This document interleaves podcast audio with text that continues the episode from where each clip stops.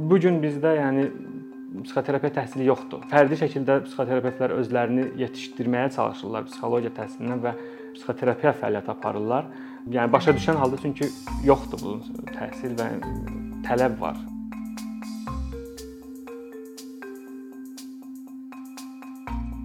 Psixoterapiya psixi xəstəliklərin müalicə istiqamətlərindən biridir. Yəni istiqamətlərinin geniş istiqamətlərin bir məcmusudur və inkişaf etmiş ölkələrdə psixoterapiya təhsili xüsusi qanunla nizamlanır və standartlaşdırılıb. Psixoterapiya aparmağı icazəsi olan şəxslər iki istiqamətdədir. Bunlar bir həkimlərdir, həkim psixiatr və psixoterapevtlər və psixoloq psixoterapevtlər. Hər ikisi öz ixtisaslaşma təhsillərini alırlar və o təhsil içərisində daxilində bu bu peşəni öyrənirlər. Yəni psixoterapiya aparmağı öyrənirlər və nəticədə bunun üçün ə, icazə alırlar. Yəni Azərbaycan dilinə çevirsək bu lisenziyadır. Avropada buna çox ölkələrdə aprobasiya deyirlər. Mən özüm Almaniyada 5 ilə yaxındır ki, psixiatrik xəstəxanada çalışıram və paralel olaraq psixoterapiya və psixiatriya ixtisaslaşma təhsilimi alıram. Almaniyada bu proses həkimlər üçün bu cür, yəni 5 il davam eləyir. 5 ilin içərisində həm yəni klinikada psixiatrik bilikləri öyrənirsən, vərdişləri öyrənirsən, paralel olaraq psixoterapiya təhsili alırsan və o həmin psixoterapiya təhsili də bir hissəsi nəzəri təhsildir, bir hissəsi praktik təhsildir praktik təhsil dediyimiz yəni məsələn müəyyən standartlar var ki, mütləq xəstəxanada işləməlisən. Həkimlərdə bu illə müəyyənləşir. Psixoloq, psixoterapevtlərdə də bu cür standartlar var. Məsələn, onlarda 1200 saat sırf xəstəxanada psixiatrik xəstəxanada çalışmalıdırlar. Yəni o xəstələrlə birbaşa təmasda olmalıdırlar həmin yəni psixoterapiya ixtisasını verən təhsil standartlarının içinə daxildir bu. Həmin psixoterapiya saatları superviziya nəzarətində olmalıdır. Orada da minimum hədd var. Məsələn 200 bildiyim qədərilə onlardan 200-dür. Həkimlərdən biraz fərqlənir, amma orada da standartlar var. Yəni apardıqları müalicənin yarısına yaxın bir hissəsi superviziya nəzarəti altındadır. Psixoloq, psixoterapevtlərdə, istərsə də həkim psixoterapevtlərdə həmin psixoterapiya təhsilinin içərisinə həm də daxildir şəxsi almancadan tərcümədə belə adlanır, şəxsi təcrübə seansları bizdə ona bəzən psixoterapiya da deyirlər, yəni şəxsi terapiya deyirlər və səhv ə, anlayış var ki, yəni bu burada ə, sən ə, seanslardan sonra gedib ə, özün müalicə alırsan. Amma Avropada bu təhsilin öncəsində və təhsilin daxilində olan bir prosesdir ə, və onun üstünlüyü odur ki, sən ə, həm ə, etdiyin işin fərqində olsan, özünün fərqində olsan, terapiya prosesdir. Yəni proses zamanı baş verənlərin daha çox fərqində ola bilmək üçün birinci özünün fərqində olmalısan. Sənin psixikanda baş verən proseslərin fərqində olmalısan. Bunun üçün ə, müəyyən saatlar var və o saatlar mütləq şəkildə ə, olmalıdır ki, sən yəni təhsilin standartları da olmasa, yəni imtahana ə, sonda olacaq imtahana buraxılmayacaqsan və ə, aprobasiya da almayacaqsan. İstər həkim olsun, istər ə, psixoloq, psixoterapevt olsun. Yəni inkişaf etmiş ölkələrdə, xüsusən Avropa ölkələrində məsələ belədir ki, yəni 90-cı illərdə bu sahələrdə, bu sahədə xüsusi bir dönüş nöqtəsi baş verib, standartlaşdırma prosesi baş verib və eyni zamanda Strasburq bəyannaməsi var 90-cı illərin əvvəlləri səhv etmirəmsə, ondan eyni zamanda Avropa Psixoterapiya Assosiasiyası var və bunlar çalışırlar ki, bütün Avropa ölkələrində bu standartlara cavab verən şəkil alsın və eyni zamanda təhsilin standartlarını da onlar müəyyənləşdirirlər. Yəni onlar ora aktiv şəkildə müdaxilə edirlər. Bu assosiasiyaların əsas fəaliyyəti odur ki, onlar yəni çalışırlar ki, standartlaşdırsınlar bu prosesləri.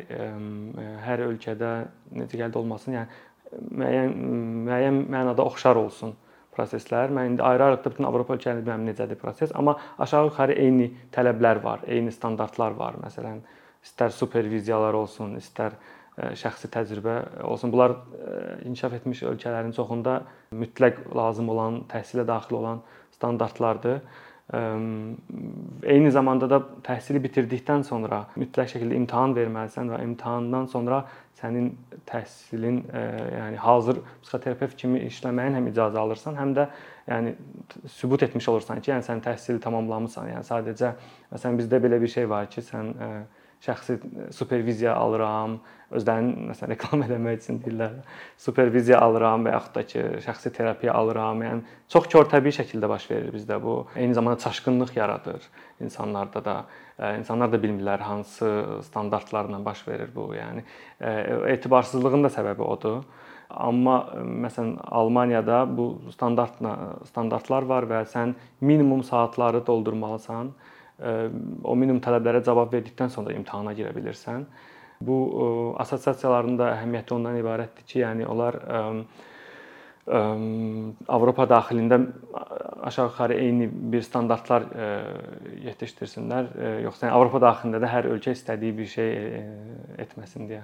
Bu standartlaşma ə, məsələsinin ə, çatışmazlığını biz Azərbaycanda görə bilərik. Azərbaycanda ə, Yəni son dövrlərə qədər ümumiyyətlə bunun bir standart yox idi. Yəni psixologiya fakültəsini bitirənlər psixoterapiya fəaliyyətinə başlayırdılar. Son dövrlərdə yeni qanun qəbul olunub 18 2018-ci ildə səhv etmirəmsə o qanunda öz problemləri var. Müəyyən şeyləri standartlaşdırıb və çox yaxşı bir haldır ki, yəni məsələn etika ilə bağlı məsələlər, xəstə məxfiliyi məsələləri və bir çox bu tip məsələləri qanunla nizamlayır.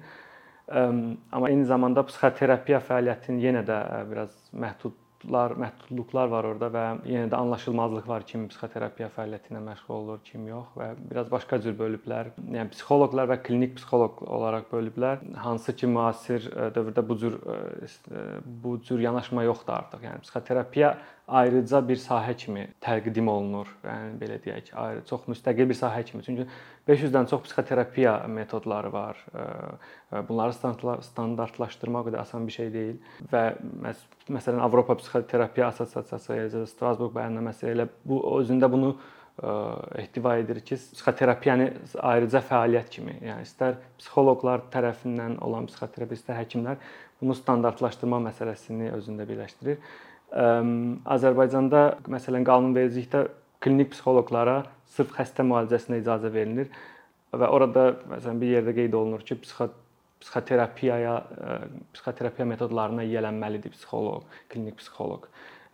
Yəni bu absurd bir şeydir. Yəni klinik psixoloq onları öyrənmir. Yəni yəni ümumi nəzəri məlumat ala bilər, necə ki, psixoloqlar da onu alırlar.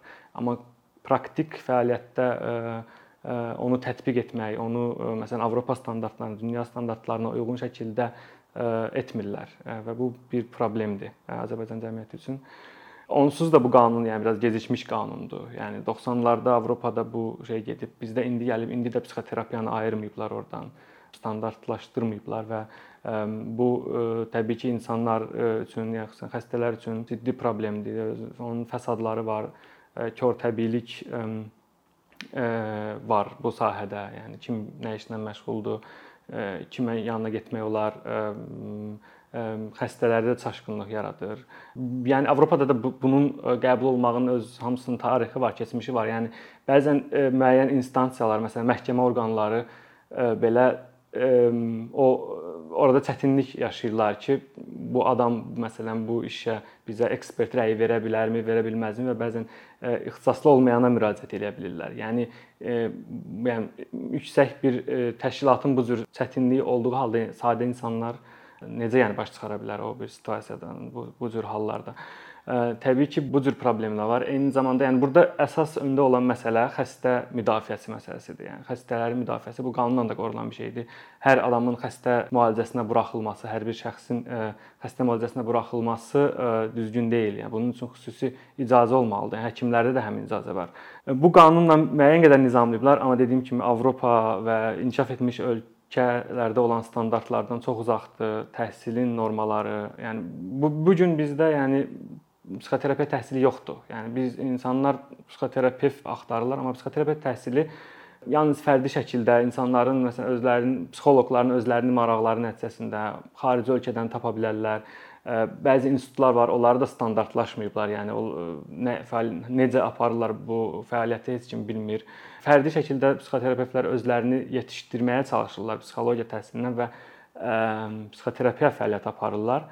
Yəni başa düşən halda çünki yoxdur bu təhsil və tələb var. Yəni cəmiyyətdə psixoterapiya tələb çox yüksəkdir və qanunlar da buna uyğun olmalıdır, amma deyil. Yəni qanunlar daha geri qalır bundan.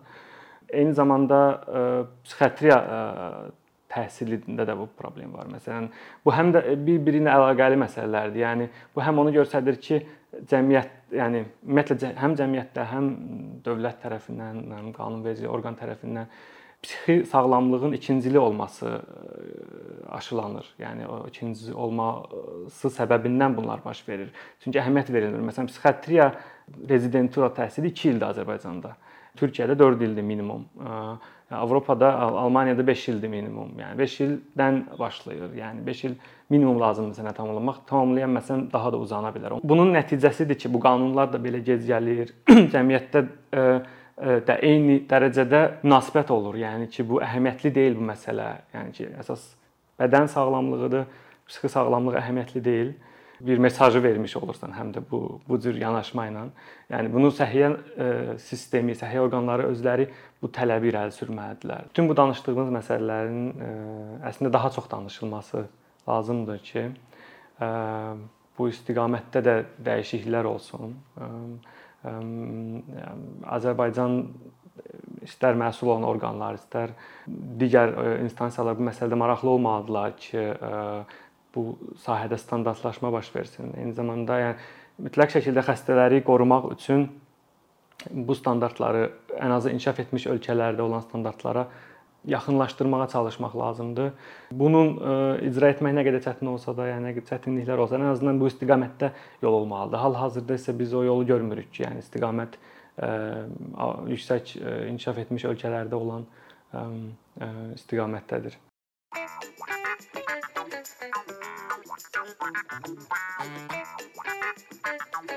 you.